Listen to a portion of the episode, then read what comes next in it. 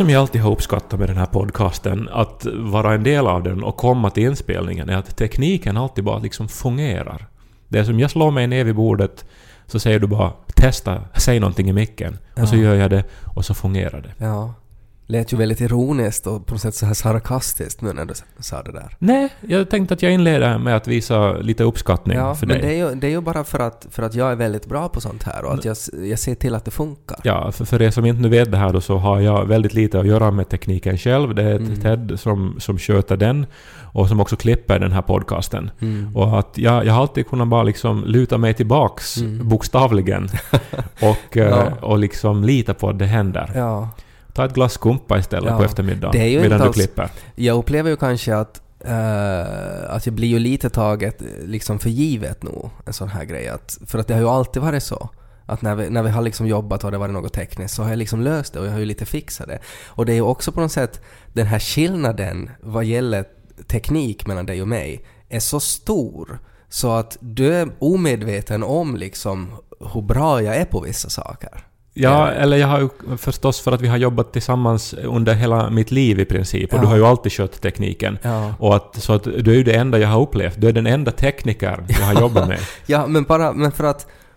Jag vet inte hur jag ska förklara det här, men för att skulle du vara lite insatt så skulle du kunna ha en förståelse för sådär att shit, det där är nog faktiskt att voi, vitsig, hur fixar man det där? Och sen så skulle jag fixa det och så skulle det vara sådär aj, ja man, han gjorde så, åh, åh, åh. Och så skulle det vara den reaktionen, men nu är det bara liksom att det är sönder, fixa det.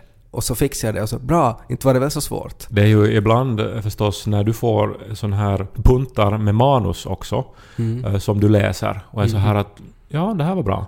Så eh, då är du kanske inte riktigt medveten om heller hur pass bra det är. Och, och, och hur pass genomarbetat det är. Så och är hur pass det. sällsynt det är att det är så pass genomarbetat Då i ett ju- sånt skede. Det är ju väldigt bra då att vi liksom har den här kompromissen, att man är liksom har olika styrkor och sådär. Men är det inte störande för allting i livet? Jag tänker på äktenskap, jag tänker på sex, jag tänker på eh, författande. Allting är ju så här att, eh, att, Att den andra inte vet hur bra den andra är på att knulla. poängen är att man inte ska veta hur bra det är, för att då är det bra. För då är det riktigt bra ja. Ja, att Mm. det är endast när någonting är bristfälligt som man märker att det är det. Mm. Och, och så är det med hela livet. Ja. Alltså lyckan är ju så... nej, Vi, vi, vi, nu pratar vi om existensen faktiskt, märker jag här. Lyckan är ju sån att man inte ska märka att man är lycklig. Då är man lycklig. Nå, alltså det är väl lite sådär att, eh, att det är ju när man ibland är olycklig. Så det är ju då man blir, inser att hur lycklig man är. Precis. Det är lite som att om man skulle vara livvakt, så att om presidenten skulle bli lite skadad, så då skulle den ju inse att ja, men nu är det ju bra att det är någon som ser till att jag lever. Var det inte en perfekt liknelse? Ja, För ja. det är ju så när man är livvakt åt någon, att, att, att de blir lite skadade. det finns kanske ja, bättre liknelser nog. Men ja, vad, är, vad, vad, vad kan man uppmuntra nu då? Att man ska lite mocka ibland så att, att man ska synas. Så att man ska stanna upp och konstatera att ja, om den där typen inte skulle göra sådär, så då skulle det, mitt liv inte vara lika bra. Eller, eller att man ska kanske tänka så här att så länge det inte känns fittigt så är man otroligt lycklig. Är det inte så? Att så länge det inte liksom Ja men na, nej, inte är det. lös kontakt så har man en jättebra tekniker.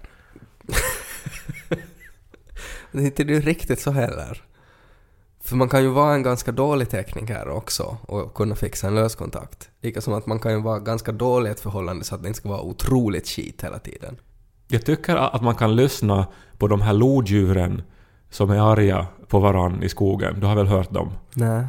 Det är det enda internet pratar om nu. Eh, och att eh, om, om man inte låter som dem eh, när man spelar in en podcast, när man har sex, när man försöker eh, leva i sitt äktenskap eller när man författar, så då är man väldigt lycklig. Okej. Så vi lyssnar på de här lodjuren tycker jag. Och så, om du inte känner igen din egen röst i det här, så då, i ditt dagliga liv, så då är du otroligt lycklig.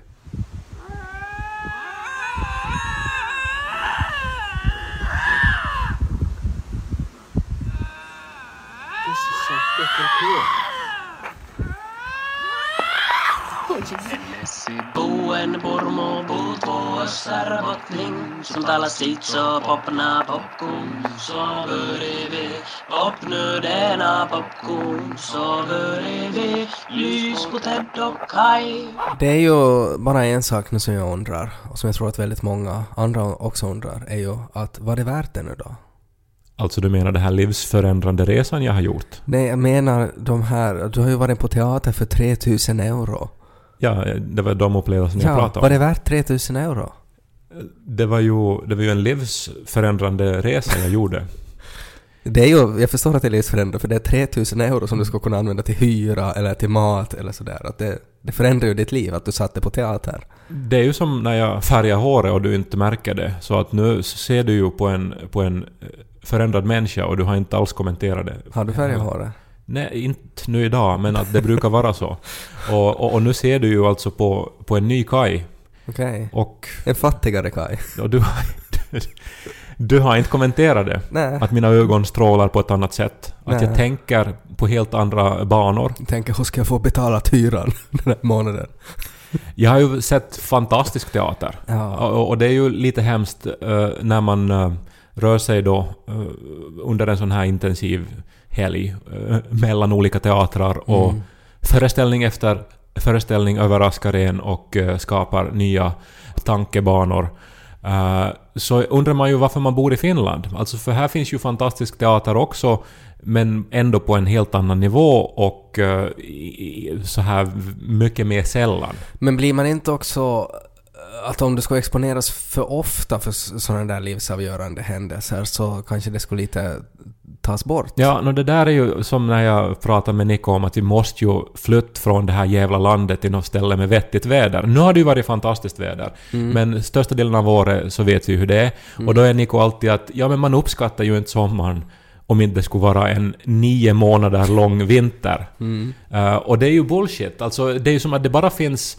Alltså enligt det re- resonemanget så har man bara plats för ett, ett visst mått av lycka i sitt liv. Ja. Och att det måste man då fördela. Så är det ju inte. Alltså lycka kan ju bli hur mycket som helst tror jag. Man kan se hur mycket bra teater som helst utan att det blir eh, dåligt. Men tror du inte det finns en risk i det? För det, det har jag tänkt på nu när jag vet att du har varit i New York. Men sluta, varför skulle det vara en risk Nej, med alltså det? en risk i det att, att när du sådär intensivt har sett på sådär många dyra saker, alltså bara under några dagar, så är du inte rädd att, att de här grejerna inte står för sig själv utan att de tas, de jämförs med de andra grejerna. Alltså att om du ska fara på en åtta timmars teaterpjäs och så har du just sett världens bästa pjäs dagen före. Så den, du, jag menar, du kommer nog liksom att påverkas av det som du såg dagen före. Och, och skulle det på något vis då ta bort någonting från Ja, den att, du nya kanske inte, upplevelsen? nej, att du kanske inte är lika mottaglig. Att Ja. dina liksom kulturhål är redan fyllda. Nå, jag såg ju eh, väldigt olika pjäser också. Alltså Hamilton är ju en musikal, Mm. Angels in America är en teaterpjäs och eh, det är som ändå lite äpplen och päron. Ja. Det, de går inte att... Alltså man kan jämföra dem som emotionell upplevelse kanske, Okej. men, men, men ändå inte riktigt. För, Okej. det, för de spelar på olika strängar. Ja. Nå, Hamilton nu då? Jo, planetens bästa musikal. Planetens bästa musikal, ja. Var det det?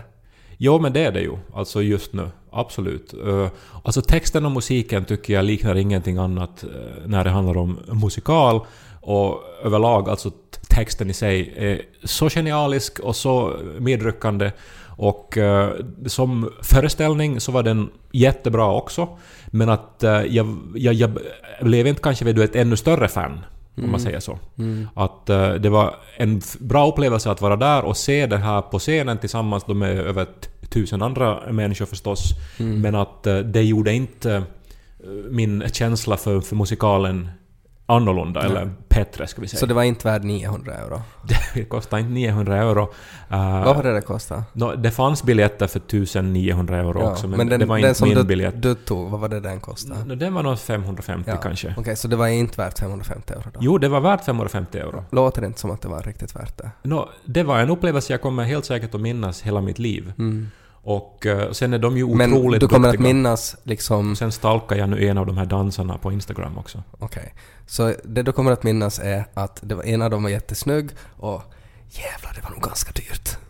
Nå, en sak som ju var en liten downer är ju att det är ju inte Lin Manuel Miranda längre som spelar huvudrollen. Alltså han höll på med den Är i... det alltså han som har skrivit det har också spelat huvudrollen? Han spelade Alexander Hamilton under ett Okej. och ett halvt år, men sen Mhm. byttes han ut mot en jätteduktig skådis också. Mm. Men eftersom jag har lyssnat på Lin Manuel eh, Miranda i det här soundtracket så skulle jag vilja höra hans röst förstås. Förstås. Och det fick jag inte göra Så live. ännu lite sådär. Man skulle kunna ta bort 300 euro där direkt, att det inte var han. Men man kände väl då att nu är jag i centrum av teatervärlden, av Mm. underhållningsvärlden. Mm. Att vara mitt i den här stormens öga. ja, ja, det var den känslan. Exakt. ja. Men den känslan, vad ska vi sätta en prislapp på det? 200 euro kanske? Att vara i världen, alltså om du är i Helsingfors centrum och i Mm. centrum för det finska underhållningsväsendet. Jag vet Ja. inte vad det skulle vara då, att du Ja, är men på tänk- inspelning tänk, av... tänk om du skulle sätta 200 euro för en teater här i Helsingfors, det skulle vara otroligt. En enorm summa pengar. Nå, opera, biljetter kan vara kring 200 euro. Ja. Ja. Minns du när jag till din 30-årsdag köpte opera-presentkort till dig? För Nej, hundratals euro. det minns jag inte. Mm. Och så gick det eh, ut ett år senare och du hade inte använt det. Att jag ville ge dig en sån här upplevelse. Ja.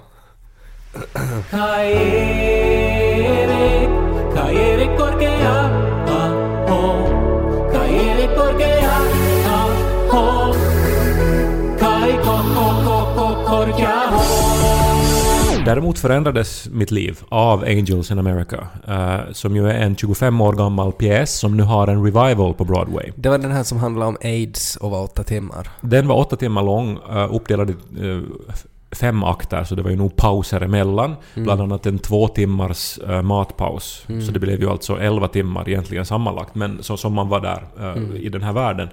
Eh, Och och så fick man dricka vin också såg jag på din Instagram. ja, man fick... eh, Tack annars eh, för din Instagram under den här resan. ja, du brukar ju kritisera mitt sätt Nej, att instagramma. Jag vill, framförallt så vill jag bara säga det att jag uppskattar så att du också säger saker nu i din Insta-story. Jaha. För att tidigare så har du ju bara haft alltså en sån här American Psycho-min där du har liksom filmat dig själv och, och, och liksom bara tyst gått i 15 sekunder.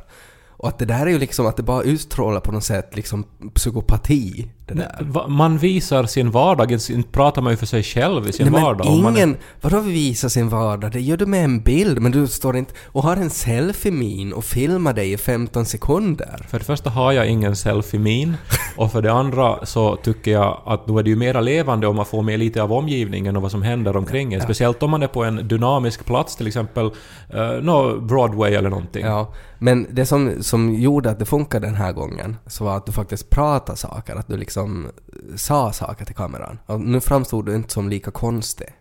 Att Ja. det, det var liksom mera sånt, tror jag alla tycker. Jag vet inte vad som är mera konstigt, att prata till kameran eh, för sig själv eller att eh, vara helt enkelt sig själv. Det skulle vara konstigt om du skulle prata till kameran och sen bara spara den där filen och ha den i din ficka. Men det är ju inte konstigt när du gör det för folk som följer dig på Instagram. Då är det ju till dem du pratar.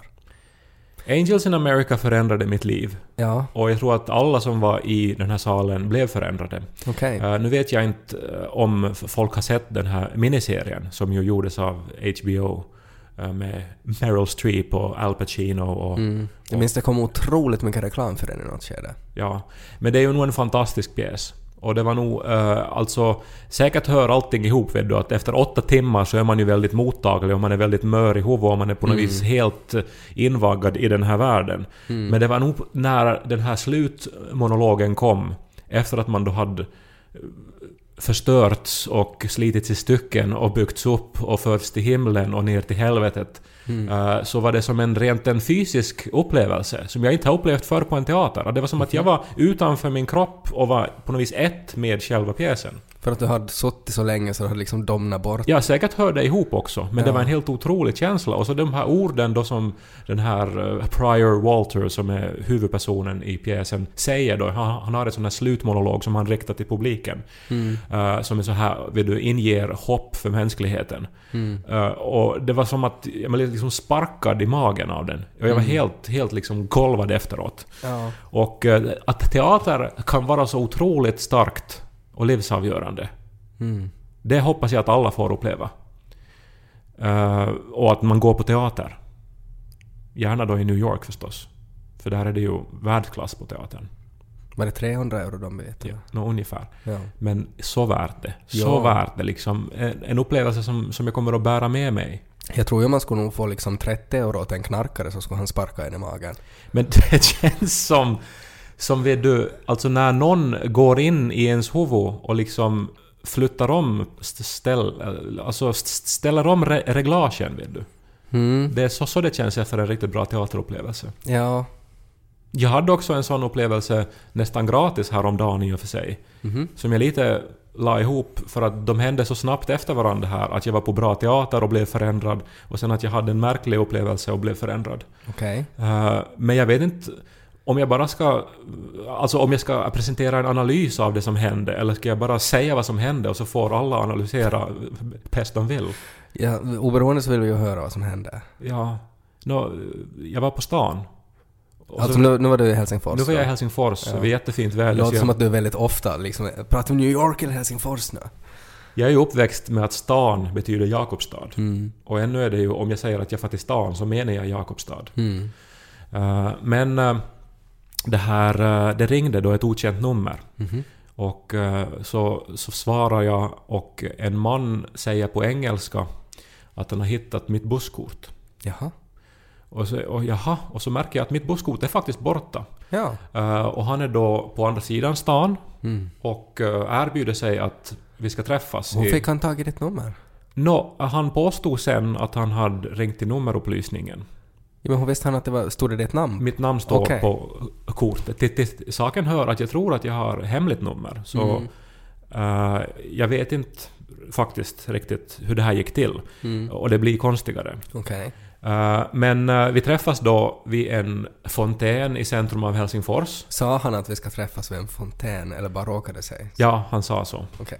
Och han presenterar sig då... Så fontänen är viktig? Eh, Angels in America slutar vid en fontän faktiskt. Okej. Också. Så, om det här hör ihop. Ja. Eh, men eh, där då så introducerar han sig och säger då att han, att han är på resa. Mhm. Eh, han har varit på resa i två år och nu är han i Helsingfors. Och han ger mig förstås då mitt busskort. Jag ger honom ett 20 euro eh, som tack för det här. Eh, det är nu det jag råkar ha på mig. Mm. Han blir jätteglad åt det. Mm. Och sen erbjuder jag honom också att jag ska bjuda honom på en, på en öl. Vad är det här för... Du måste beskriva den här mannen. Alltså hur ser han ut? Han är ung, han är, han är kanske 20. Okej, och- men ser han ut... Är han liksom studerande? Jobbar han? Liksom, Vad får du för vibbar? Han ser ut som att han har rökt en del i sitt liv. Och nu menar jag inte vanlig tobak. Nej. Jazzcigaretter? Ja, och, och som att det här har liksom varit mer än en eh, sån här avslappningsmetod. Det har blivit liksom till en liv- livsstil lite ja, grann. precis. Så, så ser han ut. Mm. Eh, men han är väldigt så här, han, han vill du ler och är som glad och tackar. Som en och, surfare? Ja, så här rento. Som Scooby-Doo? Liksom. och det är också det här som gör då att jag, att jag säger att vi kan få ta en öl. Ja. Eh, Men jag är faktiskt också jättetacksam. Tycker han är lite snygg? Utan det här kortet så skulle jag inte ha ku- kunnat ta mig hem den dagen. Nej, men det tycker han är lite snygg. Och det skulle ha kostat mig jättemycket pengar att förnya det och få tillbaks det värde som fanns Mm. på kortet och så Skulle vidare. aldrig be honom på en öl om det skulle tycka han är lite snygg. Jag ville vara vänlig. Lite som en sån här vagabond surfar Scooby-Doo-snygghet. No, han, Lösa brott tillsammans med honom. Ligga i vannen. han är från England. Ja, eh, men säger att han har då lämnat sin familj för de är liksom no good. Okej. Och eh, vi sätter oss ner då på en terrass och tar en öl och han börjar nu då prata om energinivåer. Mhm. Och eh, jag har ju rört mig en del bland andliga människor och jag eh, märker snabbt att han är inte riktigt intresserad av att lyssna utan han är mer intresserad av att prata om det som han upplever nu då att det är sant. Ja. Och eh, jag försöker ju vara artig här nu då och lyssna när han pratar om energinivåer, Mm. om eh, olika chakran som vi har i, Okej. i, i vår kropp och hur det här då eh, gör att vi, att vi känner depression, att vi känner glädje Mm. beroende på hur, hur pass i balans de här Det energinivåerna låter är. som att han är full av den vita ormen. Tycker jag. Vad betyder det Jag då? kommer bara ihåg att det var i något skede under Vasabladets insändare så var det faran med meditation och yoga och att man blir uppfylld av den vita ormen. Och det där låter ju som att han har liksom vita ormen från liksom reven till munnen. Nå, han, han, han har nog någonting i sig, har Ja. han. Men han är ändå vet du, trevlig och vet Ja. du, som ler och, och som är inte som så här vet du att han, att han skriker eller, eller, eller ser galen ut. Nej, nej. Så här.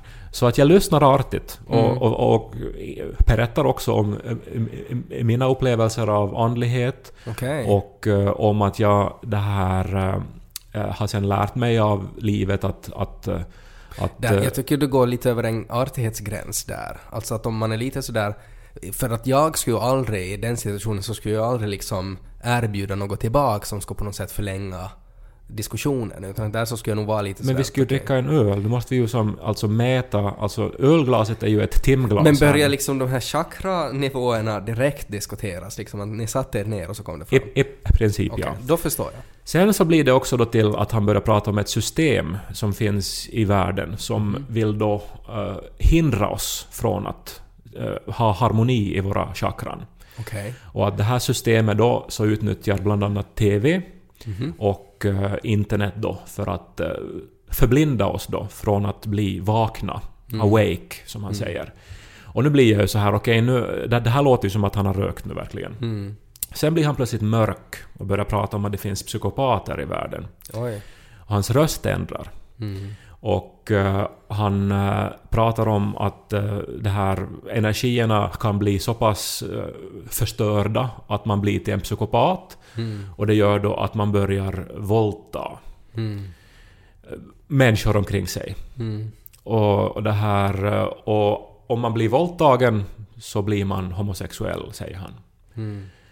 Och eh, då försöker jag nu eh, lite vara att ja, kanske det är inte så här enkelt att eh, vad jag nu vet så har väl psykologiska studier visat att utvecklingen av sexualitet till exempel är betydligt mer komplex än så här. Mm. Och att, att man är psykopat så är inte heller så här enkelt att det bara handlar om att man har blivit emotionellt besviken någon gång. Mm. Men det lite ramlar av honom. Mm. Och sen spänner han då blicken i mig och nästan viskar att förmodligen finns det psykopater på den här terrassen just nu också. Scooby-Doo. Och då äh, äh, blir jag ju lite på min vakt för det som jag tänker är ju att ja, åtminstone finns det en. Ja, som sitter framför dig och pratar om chakra. Fast det säger jag ju förstås inte. Nej. För jag, han har ju, han har ju varit, han har ju räddat min dag Ja. med pusskort och så vidare. Mm. Sen lutar han sig ännu närmare och så säger han att han ser att min sexuella chakra är helt förstörd och att jag är homosexuell. Jaha. Och jag svarar ingenting Men på det här. hade du, liksom, hade du din chakra med dig då? Den var liksom helt sönder. Och stod det att du var gay. Jag eh, ger inget svar då åt honom utan jag Mm. bara eh, lyssnar och sen bestämmer mig för att okej, eh, nu räcker det här. Mm. Att eh, jag sveper min öl, eh, önskar honom allt gott och tackar då ännu för, för, för, för hjälpen och så, så går jag därifrån. Mm. Och, och han vill kramas och så, och så skiljs vi åt då som vänner. Ehm, och eh, det som ju, det är ju många olika saker som lämnar kvar efter det här då. Ja. Eh, men han... eh, det som han lyckades med var ju ändå på något vis att, att mess with my head. Ja. För att hur visste han att jag var homosexuell? För att han reagerade på det att du tyckte att han var lite snygg. Nej men det tyckte jag inte och det, det, det Du visade jag skulle inte på inte något fara sätt. på öl med honom annars. Han hittade mitt busskort, Och du gav cyklade över halva 20, stan. och du gav honom 20 euro. Man far inte på öl med såna människor om det inte liksom är, är något så här, någonting som man reagerar på. Jag förstår inte där att i din värld så, så gör man en, endast goda gärningar om man är sexuellt intresserad av någon. Det om någonting är ju en messed up sexual Nej. chakra. Jo, Och kanske vi har psykopater just bland oss just men för nu. jag vet ju din chakra och det är ju liksom det första som är liksom i manualen till din chakra så är det ju att om någon, om du har tappat ett busskort och någon kommer dit med det, om A den här personen är lite snygg så ska du B bjuda på öl.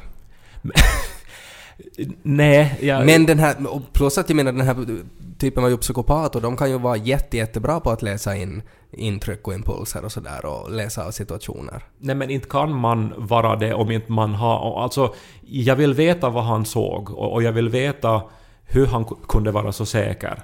Och jag, jag, jag vill liksom... Men han har kanske googlat på ditt namn. Nej men han från... eh, Vad, vad då har han... Vad, vad då?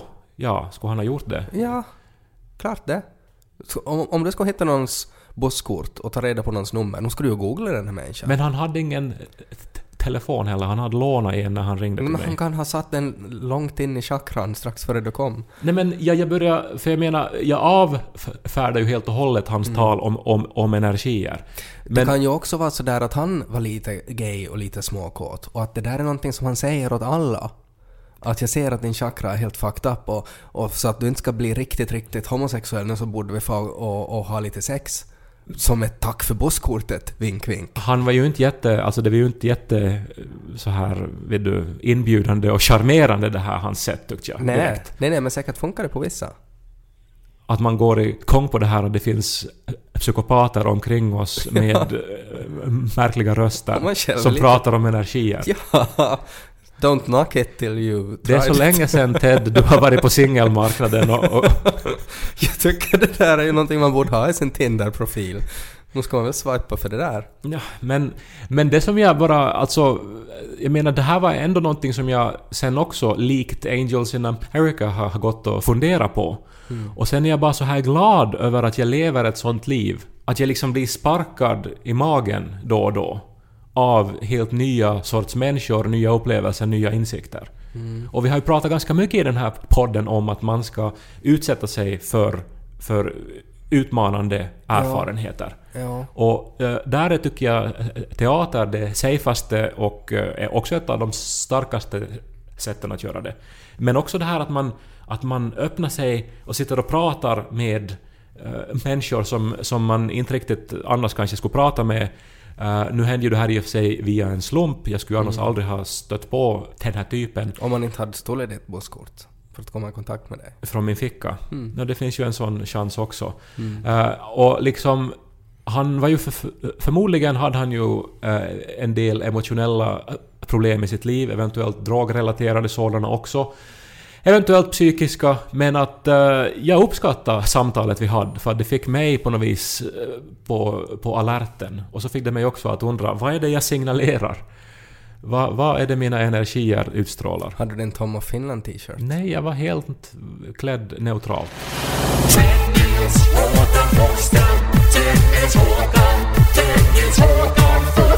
Har du haft någon livsavgörande upplevelser eller möten den senaste veckan då? Nej, jag, jag hade väl en livsavgörande grej och det var att jag gav en eh, sån här anktuta åt Lo. Jag kan spela upp ett litet klipp som, som har varit ganska 24-7 efter dess.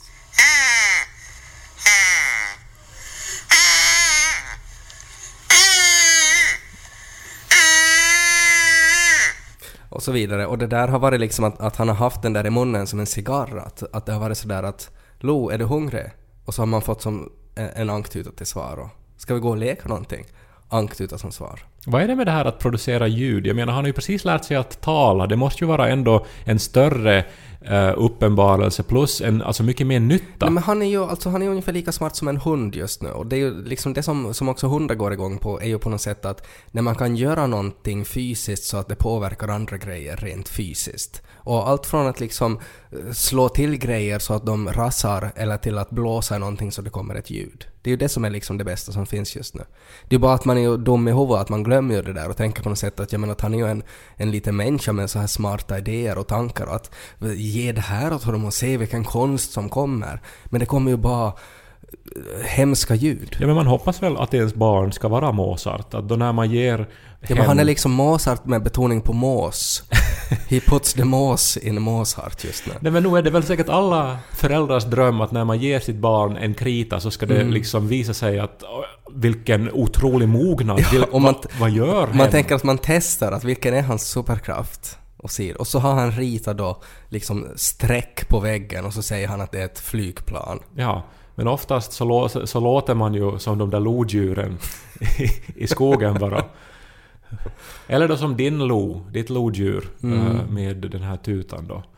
Eh, Men jag var ju på en promenad med Lo igen i fredags och han är ju han är otroligt livsglad. Mm. Och, och, och liksom pekar på allting och är nyfiken och, Mm. och, och sen pratar han mycket och, Mm. och så här. Att nu blir han, nu, nu blir han åtminstone till en sån här, vet du, människa som, som hittar folks busskort och sen är väldigt trevlig. Och pratar om deras chakran. Ja, och som pratar, pratar, pratar. Mm. Att en sån kommer han att bli. Ja. och han kommer så. att klara sig bra. Mm. Dedokai.